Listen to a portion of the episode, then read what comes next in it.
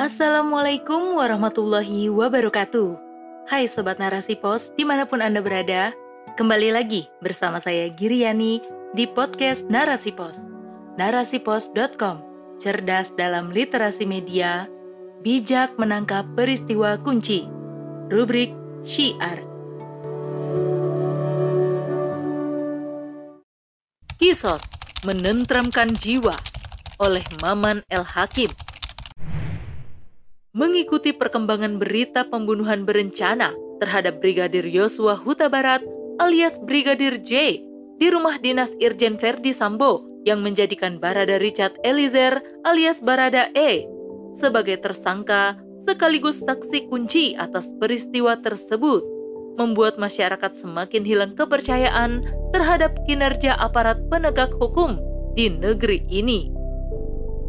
Menurut pakar hukum yang pernah mengajar di Akademi Kepolisian, Profesor Suteki mengatakan bahwa nilai spiritual penegak hukum sangat memprihatinkan. Pudarnya wibawa kelembagaan karena hukum dijadikan industri atau adanya mafia yang bermain di balik kasus sehingga hukum tidak lagi memberikan keadilan bagi seluruh rakyat.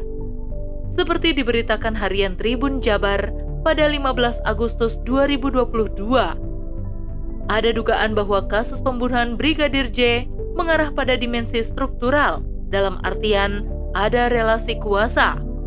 Oleh karena itu, menurut Ketua Lembaga Perlindungan Saksi dan Korban, Hasto Atmojo Suroyo, perlu adanya perlindungan bagi saksi dalam kasus Irjen FS karena ada ancaman dari relasi kuasa.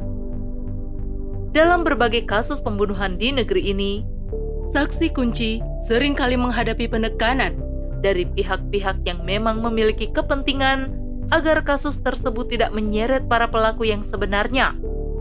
Masih banyak misteri tentang dalang dari kasus yang ditenggarai sebagai rekayasa dari sebuah kepentingan kekuasaan, juga hierarki dalam kelembagaan yang menerapkan sistem sekulerisme.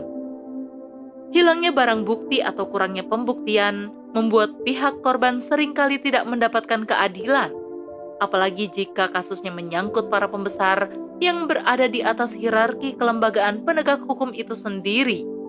Mencuatnya kode senyap atau code of silence, sebagaimana pendapat Reza Indragiri Amril, seorang psikolog forensik, ia menilai dalam penanganan kasus Brigadir J ini terdapat kode senyap yang diduga dilakukan oleh subinstansi kepolisian. Pengertian kode senyap itu sendiri adalah subkultur yang cenderung sebagai tindakan penyimpangan yang dilakukan oleh sesama anggota polisi untuk menutup-nutupi suatu kesalahan yang dilakukan. Menurut pengamat politik Agung Wisnu Wardana, hal tersebut sebagai indikasi buruk akan hilangnya rasa keadilan atas perlakuan hukum oleh aparat penegak hukum dan aturan hukum itu sendiri yang memang sekuleris tidak adanya kepuasan hukum, terlebih lagi rasa keadilan dalam kasus yang menyebabkan hilangnya nyawa manusia, menjadi catatan penting betapa buruknya aturan manusia dalam menyelesaikan kasus pembunuhan. Hal berbeda jika syariat Islam diterapkan dalam hukum pemerintahan. Dalam hal ini, kasus pembunuhan akan diselesaikan secara cepat, mudah, dan tuntas para ulama mendefinisikan pembunuhan sebagai perbuatan manusia yang menyebabkan hilangnya nyawa. Ulama yang bermazhab Malikiyah membagi jenis pembunuhan menjadi dua, yakni pembunuhan sengaja dan pembunuhan tidak sengaja. Sedangkan ulama yang bermazhab Hanafiyah, Syafi'iyah, dan Hambali membaginya menjadi tiga jenis, yakni pembunuhan sengaja, pembunuhan semi sengaja, dan pembunuhan karena kelalaian. Sanksi bagi pembunuhan sengaja berupa hukuman pokok, hukuman pengganti, dan hukuman tambahan. Hukuman pokok bagi pembunuh sengaja, apalagi berencana, adalah kisos. Seperti yang disampaikan seorang akademisi, Nur Hilal Ahmad, dalam sebuah forum diskusi, hukuman kisos diberlakukan apabila terdapat unsur rencana dan tipu daya serta tidak mendapat maaf dari keluarga korban. Jika keluarga korban memaafkan, maka hukuman pengganti yang dikenakan pada pelaku pembunuhan adalah diat. Apabila diat pun dimaafkan, maka berlaku hukuman pengganti berupa takzir dari penguasa, disertai hukuman tambahan berupa terhalangnya hak atas waris dan wasiat. Mengenai hukuman kisos, ini merupakan perintah Allah Subhanahu wa taala seperti yang tercantum dalam Al-Qur'an surah Al-Baqarah ayat 178 yang artinya Hai orang-orang yang beriman, diwajibkan atas kamu kisos berkaitan dengan orang-orang yang dibunuh. Secara istilah, kisos adalah hukuman yang dijatuhkan sebagai pembalasan serupa dengan pembunuhan, melukai, atau merusak anggota badan berdasarkan aturan secara syariat. Seandainya kisos tidak terlaksana, terdapat juga diat, takzir, dan kafarot yang tujuannya tidak lain untuk memelihara dan menciptakan kemaslahatan serta menjaga mereka dari hal-hal yang mafsadat. Hukuman tersebut sebagai balasan jinayah, yaitu kejahatan yang menyebabkan hilangnya nyawa manusia.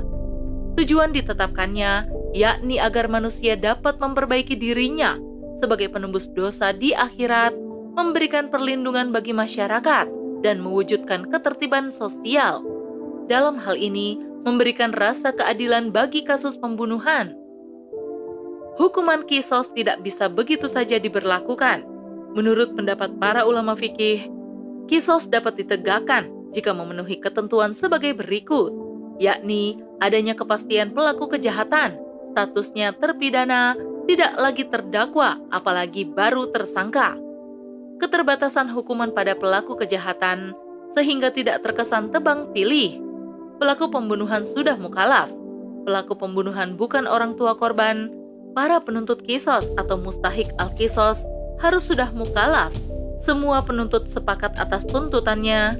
Keputusan harus ditentukan oleh khalifah atau hakim, dihadiri oleh aparat penegak hukum yang berwenang, dan disaksikan oleh ahli waris yang menuntutnya.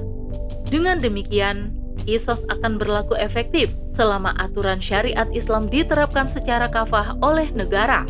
Sebab, kisos bukan semata-mata hukuman yang hanya memberikan efek jerah, melainkan menjadi penebus dosa di akhirat yang akan menentramkan jiwa pelakunya. Wallahu a'lam bishawab. Wassalamualaikum warahmatullahi wabarakatuh.